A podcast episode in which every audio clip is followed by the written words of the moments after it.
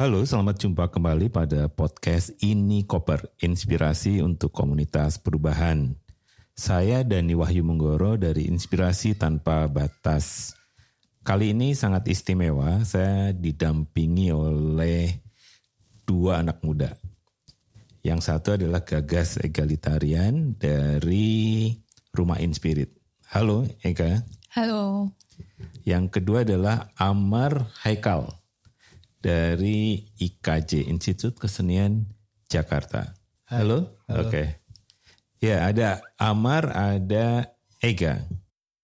Kali ini kita akan ngobrol ya tentang bagaimana kita manfaatkan film untuk kerja-kerja komunikasi, kerja-kerja sosial.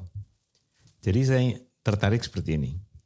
Bahwa banyak sekali di di dalam komunikasi ya, khususnya untuk organisasi masyarakat sipil, bisa organisasi lingkungan, organisasi human right, organisasi perempuan, organisasi untuk inklusi sosial, itu mereka mengeluh bahwa mereka sudah melakukan banyak hal, tetapi kemudian dampaknya itu rendah dan salah satu yang disalahkan itu adalah bahwa rata-rata strategi komunikasi mereka itu tidak terlalu mengembirakan. Ya, salah satu indikatornya adalah bahwa saat ini di beberapa riset menyebutkan uh, tingkat kepercayaan publik itu pada organisasi masyarakat sipil itu sangat rendah.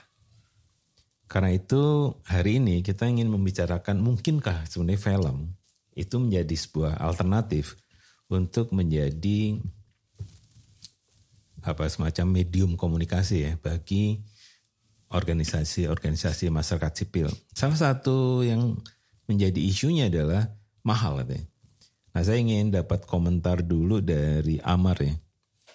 Apakah benar sebenarnya film meskipun sangat powerful itu juga mahal dalam pemanfaatannya untuk strategi komunikasi organisasi masyarakat sipil seperti ini. Gimana Amar? Kalau menurut aku sebenarnya memang film itu adalah sebuah uh, medium kesenian yang uh, dikenal sebagai produk komoditas yang tidak hanya atraktif secara kapital, cuman namun juga memiliki banyak sekali tendensi untuk uh, menarik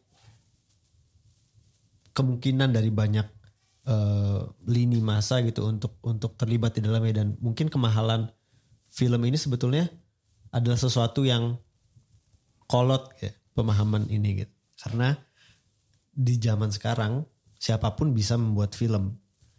Siapa pun bisa uh, menggunakan handphonenya pakai kamera dan merekam gitu. Dan ini ini menurut menurut saya sesuatu yang sebetulnya sudah mendobrak uh, tadi gitu pemahaman bahwa film itu mahal.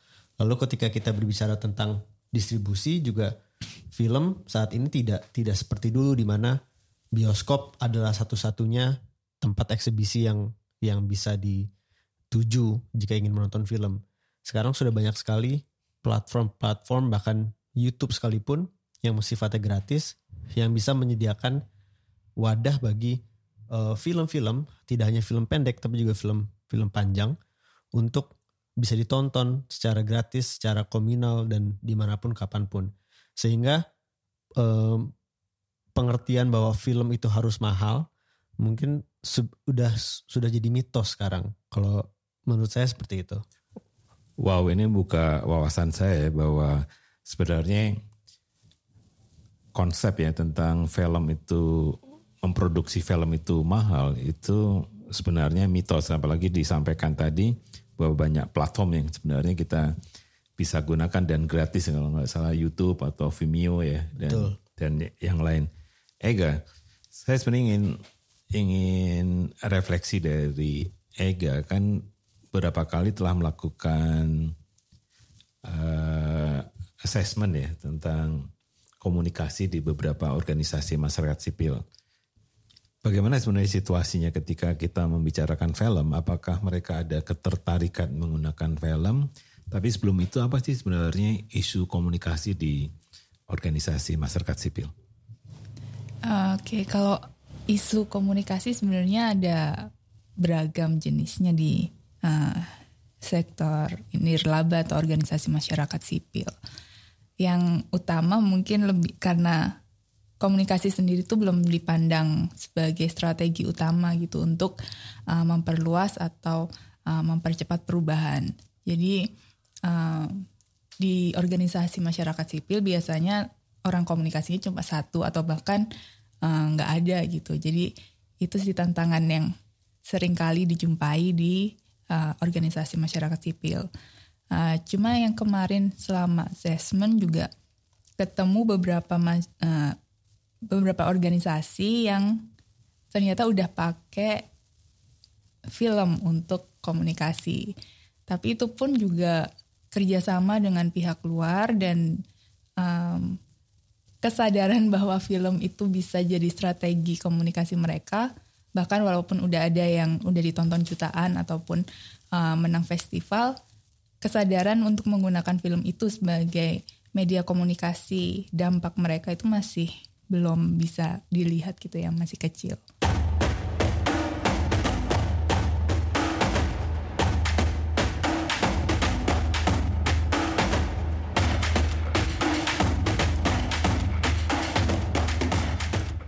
Ya sebenarnya kita memperoleh dua perspektif ya. Yang pertama bahwa film mahal itu mitos.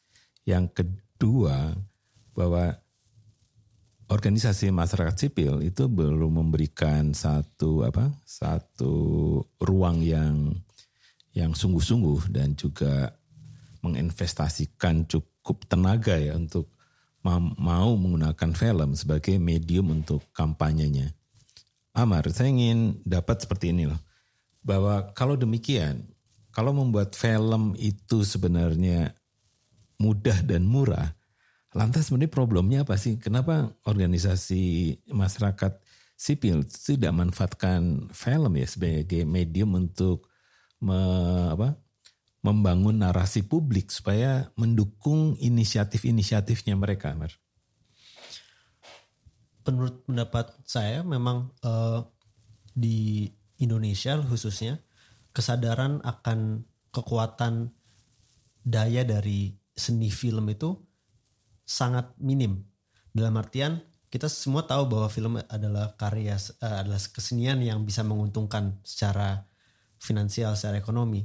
Namun saya melihat film ini sebetulnya adalah sebuah medium yang uh, sama seperti bahasa sifatnya.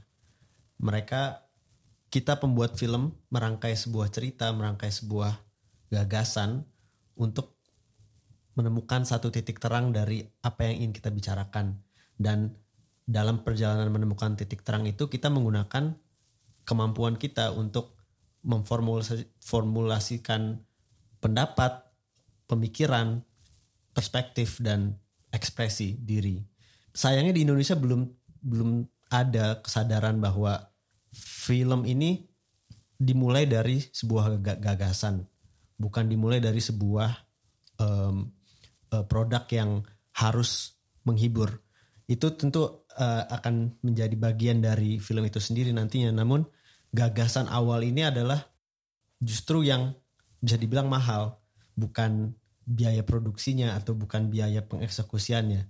Itu bisa di, disesuaikan sebagaimana nanti dengan um, kemampuan masing-masing. Namun kesadaran akan kekuatan medium seni film itu sebetulnya yang perlu diketahui dan perlu ditinjau mungkin ke depannya bahwa jika dipergunakan dengan benar, seni film ini tidak hanya bisa uh, merubah suatu perspektif atau menginfluence suatu pemahaman, namun juga bisa membentuk perspektif baru atau membentuk pemahaman baru dalam um, kemasyarakatan gitu, dalam kehidupan kita sehari-hari. Karena pada dasarnya memang film dari awal seni ini tercipta kekuatan terbesarnya dia menangkap realita. Jadi pemahaman awal itu yang sebenarnya harus dipelajari mungkin ya dan dan mungkin harus di di di branding dengan seperti itu bahwa film adalah uh, alat yang sangat-sangat kuat sama sama halnya seperti bahasa seperti kata-kata ketika kita merangkainya dengan benar um, dapat menjadi sebuah unit yang yang dapat dipergunakan untuk berbagai macam hal gitu mungkin itu karena kalau menurut saya pribadi uh, kita masih melihat film sebagai produk menghibur atau produk hiburan sema, sebatas itu saja cuman saya percaya bisa jauh lebih dari itu mungkin itu Menarik ya, jadi film sebenarnya powerful ya. Dia bisa disandingkan dengan bahasa ya. Sehingga film sebenarnya bukan urusannya soal menghibur atau soal teknis membuat filmnya. Tapi basisnya adalah dari gagasan. Nah saya ingin tanya ke Ega, bagaimana nih tentang gagasan? Jangan-jangan ada defisit gagasan juga di organisasi masyarakat sipil dari temuan assessment kemarin? Ega?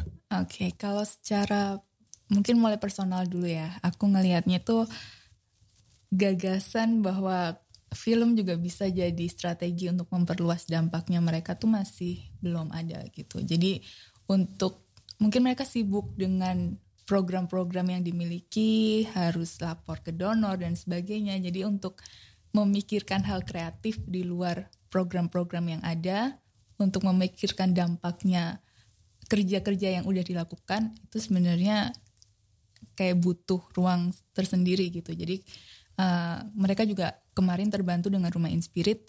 Kita uh, mengajak mereka untuk refleksi sebenarnya komunikasi dalam organisasi seperti apa, komunikasi eksternal mereka seperti apa. Dan itu sangat uh, jarang dimiliki oleh mereka kesempatan seperti itu. Jadi um, untuk untuk uh, film sendiri itu sebenarnya untuk masuk ke komunikasi yang grafis dan sebagainya itu juga sebenarnya masih tantangan tersendiri gitu. Jadi untuk loncat ke film sebagai media komunikasi dampak mereka itu juga butuh proses sepertinya masih.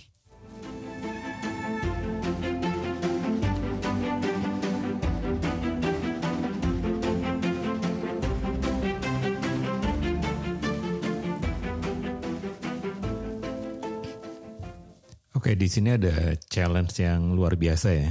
Jadi kita melihat beberapa kelemahan di organisasi masyarakat sipil, bagaimana mereka memanfaatkan film ya untuk memperluas dampak dari inisiatif-inisiatif mereka dan juga sebenarnya ini untuk bisa membangun apa semacam support support dari publik kan atau membership gitu ya sehingga orang mendukung gerakan ini juga ada visualisasinya gitu bukan sekedar melaksanakan program sebagai sebuah proyek. Amar, saya sebenarnya di bagian akhirnya dari percakapan kita ada nggak sih contoh-contoh di dunia film yang kemudian film sebenarnya bisa menjadi satu medium yang lebih efektif dibandingkan medium lainnya atau film sebenarnya melengkapi dari medium-medium yang sudah dibiasa sudah biasa digunakan oleh organisasi-organisasi ini. Ada nggak contohnya gitu mungkin dari negara lain atau mungkin dari Indonesia sendiri gitu? Uh, tentu uh, saya ketika masuk IKJ untuk semester pertama saya diberitahu bahwa film itu adalah seni terakhir atau sebuah penggabungan dari seni-seni pendahulu sebelumnya seperti tari, uh, lukis, musik dan lain-lain gitu. Jadi memang film seni film adalah sebuah amalgamasi dari seni-seni terdahulu yang yang sebetulnya masih masih relevan sampai hari ini dan waktu itu dosen saya bilang inilah alasan kenapa film ini menjadi sangat kuat gitu karena ia adalah suatu penggabungan bentuknya. Ketika kita sudah menyadari fakta sederhana tadi, sebetulnya sangat mudah untuk betul-betul bisa menggunakan film sebagai kepentingan yang kita butuhkan. Itu contohnya seperti publikasi atau reaching out to wider range of audience melalui seni hiburan dan contohnya sudah sangat banyak terjadi. Salah satu favorit saya, saya penggemar berat uh, genre neorealisme di Italia pada tahun 1940-an akhir. Waktu itu Italia selama berada di bawah diktator Benito Mussolini pemerintahan Benito Mussolini sangat mendukung produksi perfilman. Bahkan dia sampai menciptakan studio yang yang dikhususkan untuk membuat film, memproduksi film setiap tahunnya. Yang memiliki studio itu anaknya sendiri. Namun film-film yang dibuat adalah film-film yang cenderung memperlihatkan realita yang berbeda dari apa yang sedang dialami masyarakat Italia di masa itu. Tentu Perang Dunia Kedua menghancurkan negara mereka dan mereka sangat terpuruk. Namun film-film yang keluar pada era Benito Mussolini adalah film-film yang sangat romantis. Film-film yang sangat sangat meng, mengapresiasi hidup, film-film yang sangat mengindahkan nilai-nilai dari pemerintahan Benito Mussolini. Dan ketika ia turun, ketika runtuh, ada sebuah gerakan yang namanya neorealisme Italia. Di mana pembuat film di Italia akhirnya merasa bebas untuk membuat film dengan jujur. Mereka tidak membutuhkan lampu, tidak membutuhkan efek suara atau tidak membutuhkan studio yang sudah disediakan. Mereka hanya membutuhkan kamera dan pemain yang bahkan bukan aktor, namun manusia-manusia yang kesehariannya bukan aktor gitu. Mereka manusia biak manusia sederhana pada umumnya. Dan pergerakan film ini betul-betul menggambarkan dan menangkap realita yang sejujur-jujurnya di Italia pada masa itu. Dan itu merubah persepsi dunia tentang dampak dari perang. Dan lebih kerennya lagi Italia bisa bangkit lebih cepat karena pergerakan film ini betul-betul mencerminkan hati dan sensibilitas masyarakatnya pada masa itu sehingga mereka lebih mereka memiliki suara yang e, merepresentasikan mereka dalam bentuk sinema yang yang meledak ketika itu di seluruh dunia dan banyak yang banyak ahli yang berkata bahwa pergerakan sinema neorealisme ini menjadi salah satu awal dari kebangkitan bangsa Italia. Jadi saya selalu melihat contoh ini sebagai film yang mungkin dulunya di tempat itu di, di dipergunakan sebagai produk komoditas untuk hiburan sebetulnya ketika ada kesadaran bahwa film bisa menangkap realitas secara jujur dan film juga bisa menyampaikan gagasan yang begitu kuat dari pembuatnya. Dan ketika itu sampai dan ketika itu dilakukan dengan benar, dampaknya bisa luar biasa sekali. Gitu. Uh, itu salah satu contoh favorit saya dan tentu saya kita tahu Korea juga melalui hal yang sama di tahun 90-an dengan revolusi film new wave mereka gitu yang yang merubah bangsa mereka sampai saat ini sampai hari ini gitu. Jadi menurut saya itu sih salah satu peristiwa favorit saya tentang sinema dan um, kekuatannya. Oke menarik banget ya contohnya dari Italia dan Korea ya. Sehingga ini bagian dari meyakinkan saya gitu bahwa film tuh bisa menjadi pisau juga ya. Dia alat bantu untuk untuk menganalisa realitas sosial dan bisa juga menjadi propagandanya kaum yang berkuasa gitu. Ega, kalau dilihat dari peta ya, setelah melalui banyak wawancara dengan kawan-kawan organisasi masyarakat sipil ini, ada nggak sih contoh-contoh yang kemudian memberikan kita harapan gitu bahwa kawan-kawan bisa menggunakan film untuk kegiatan-kegiatan penjangkauan atau kegiatan merawat dari kelompok-kelompok yang didampingi dan juga sebenarnya memperluas dukungan publik pada ide-ide mereka. Karena salah satu teori yang juga diyakini ya oleh ini Koper adalah bahwa perubahan itu terjadi kalau narasinya berubah kan narasi di publiknya gitu. Jadi jadi ini kalau hanya dipercakapkan di kelompok kecil saja maka ya dampaknya pasti kecil gitu. Ini kan harus di di dibuka ya dengan medium apa pun. Kalau tadi Amar menyebutkan film itu adalah akhir ya dari penjahitan berbagai upaya gitu untuk bisa membangun narasi yang gede gitu. Gimana gak? Jadi salah satu organisasi yang sempat beraktivitas dengan Rumah Inspirit itu adalah Indox dan mereka uh, pegiat di film dokumenter sebenarnya. Jadi sangat dekat sekali kita bisa melihat bagaimana film dokumenter itu bisa membantu uh, memperluas dampak dampak sosial gitu. Jadi bagaimana filmmaker dokumenter itu bisa dekat gitu lebih dekat dengan para change maker untuk sebagai inspirasi-inspirasi dan gagasan itu tadi ya gimana perubahan sosial yang diinginkan dan dampak yang diinginkan seperti apa itu sudah dimulai gitu udah ada bibitnya. Dan si film dokumenter ini sendiri juga sebenarnya saya pernah ikut pernah nonton gitu ya nonton di festival film dokumenter. Dan ada beberapa anak-anak muda yang sudah bikin film dokumenter tuh sederhana tapi juga memang berdampak gitu. Karena film dokumenter itu bisa membuat uh, para penontonnya ikut merasakan gitu. Jadi menurutku itu itu sih kuncinya ya. Jadi bagaimana membuat lebih banyak orang yang ikut merasakan perubahan yang kita ingin ciptakan dampak yang ingin kita raih dan mengajak lebih banyak orang lagi ikut di gerakan yang sedang diperjuangkan.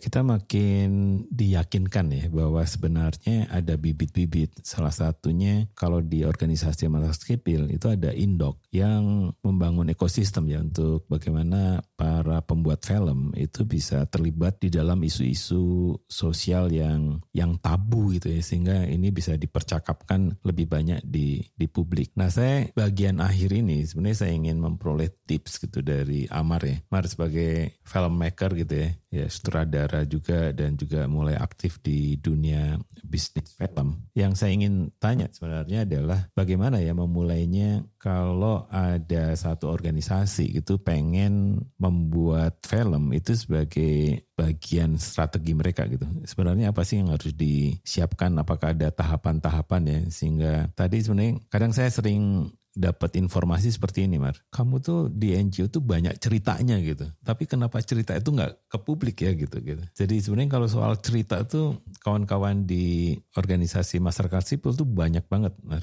Karena dia kan kerja di remote ya, kerja di kelompok-kelompok yang bermasalah dan sebagainya sehingga ceritanya tuh pasti banyak gitu. Hanya ada nggak sih tips dari Amar Bagaimana caranya ya membangun membangun sebuah ya tadi sebuah realitas gitu yang kemudian bisa bisa dibangun pada akhirnya menggunakan seni film itu sebagai salah satu jalan ya untuk bisa mengubah apa narasi di di masyarakat. Kalau dari saya selama saya belajar penulisan skenario film dan uh, penyutradaraan, saya sudah menciptakan semacam beberapa pointer yang selalu saya tanyakan pada diri sendiri ketika mendapatkan naskah baru untuk disutradarai atau dibikin. Dan saya akan share beberapa poin dari pointer ini yang menurut saya menciptakan film yang awalnya mungkin bersifat sangat spesifik dan sangat personal, namun bagaimana kita bisa membuatnya menjadi daya tarik yang bisa juga dinikmati orang lain, orang banyak. Ada tiga poin utama yang pertama adalah apakah cerita film yang kita buat ini memiliki relevansi yang tinggi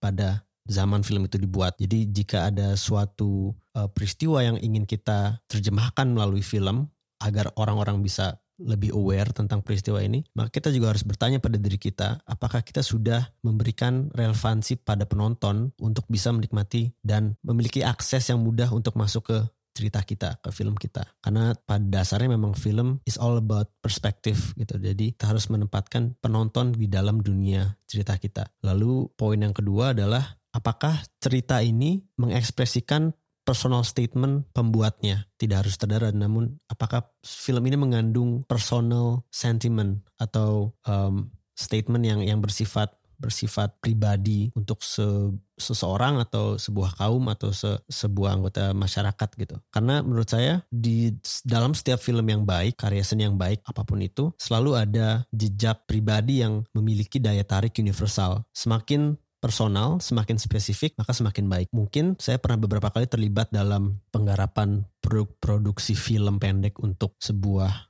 produk atau sebuah institusi, mereka mencoba untuk menjadi sangat mass appealing sehingga mereka lupa bahwa personal is better karena penonton akan selalu mengerti dan dan dapat bersimpati pada sesuatu yang bersifat jujur.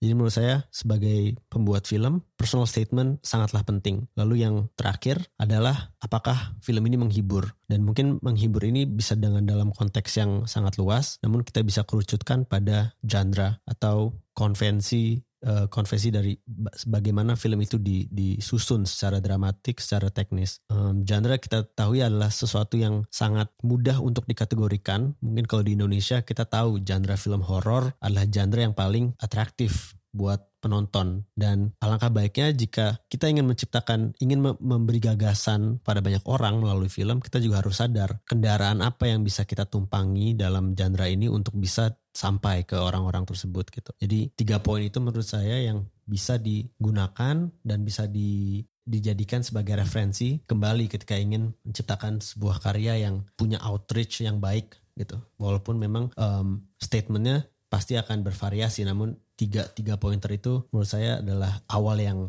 yang bisa bisa digunakan untuk untuk kalian. Wow, terima kasih Amar untuk tipsnya ya dan ini sangat bagus banget gitu untuk bisa di apa dicamkan oleh kawan-kawan di organisasi masyarakat sipil. Ega, catatan akhir. Bagaimana caranya supaya film itu bisa menjadi medium utama di dalam kampanye gerakan masyarakat sipil? Ah, oke, okay. jadi kalau melihat ketemu banyak uh, orang dari organisasi masyarakat sipil, sebenarnya emang banyak sekali cerita dari lapangan yang menarik gitu. Cerita-cerita keren, cerita dampak perubahan yang sudah dilakukan itu banyak sekali. Tantangannya sebenarnya bagaimana memilih cerita yang tepat gitu. Cerita yang mau diangkat yang bisa memperluas dampaknya itu lebih banyak lagi orang yang tertarik menonton dan tertarik untuk ikut terlibat gitu di gerakan yang akan dilakukan. Nah, memilih cerita dan memilih tokoh se, uh, tok, seorang tokoh yang akan dibawakan di cerita itu itu sebenarnya tidak mudah gitu. Dan inilah peran organisasi masyarakat sipil untuk memilih siapa tokoh itu, siapa cerita yang akan diangkat itu sangat penting gitu. Jadi kalau change maker itu tidak tidak ada tokohnya juga susah bagaimana membuat ceritanya gitu. Dan seperti yang Amar sudah bilang tadi, personal statement itu sangat penting ya, bagaimana untuk mempengaruhi orang. Dan ini justru semakin uh, membuatku percaya gitu bahwa cerita orang-orang yang sebenarnya gitu ya, bukan kita menceritakan ulang cerita seseorang, tapi orangnya sendiri yang harus bercerita gitu. Sebenarnya apa yang mau mereka sampaikan bagaimana kehidupan mereka atau bahkan mungkin kalau dokumenter bisa mereka sendiri yang ikut terlibat di dalam pembuatannya. Oke, terima kasih Amar dan juga Ega untuk hadir di Ini Koper. Ya, saya sangat menghargai pertemuan sore hari ini sebagai juga awal ya untuk kita bisa sharing lebih sering tentang ide-ide kreatif kaitannya dengan komunikasi dan dan film. Kawan-kawan di di mana pun Anda berada, khususnya para komunitas perubahan, demikianlah percakapan kita tentang bagaimana sebenarnya film ini itu secara strategis bisa digunakan sebagai alat bantu ya untuk memperkuat strategi komunikasi kita gitu. Dan sampai di sini percakapan kita dan saya janji akan ngobrol lebih jauh dengan ini anak-anak muda Amar dan Ega. Terima kasih Amar. Terima kasih. Terima kasih Ega. Terima kasih. Dan sampai jumpa pada edisi berikutnya.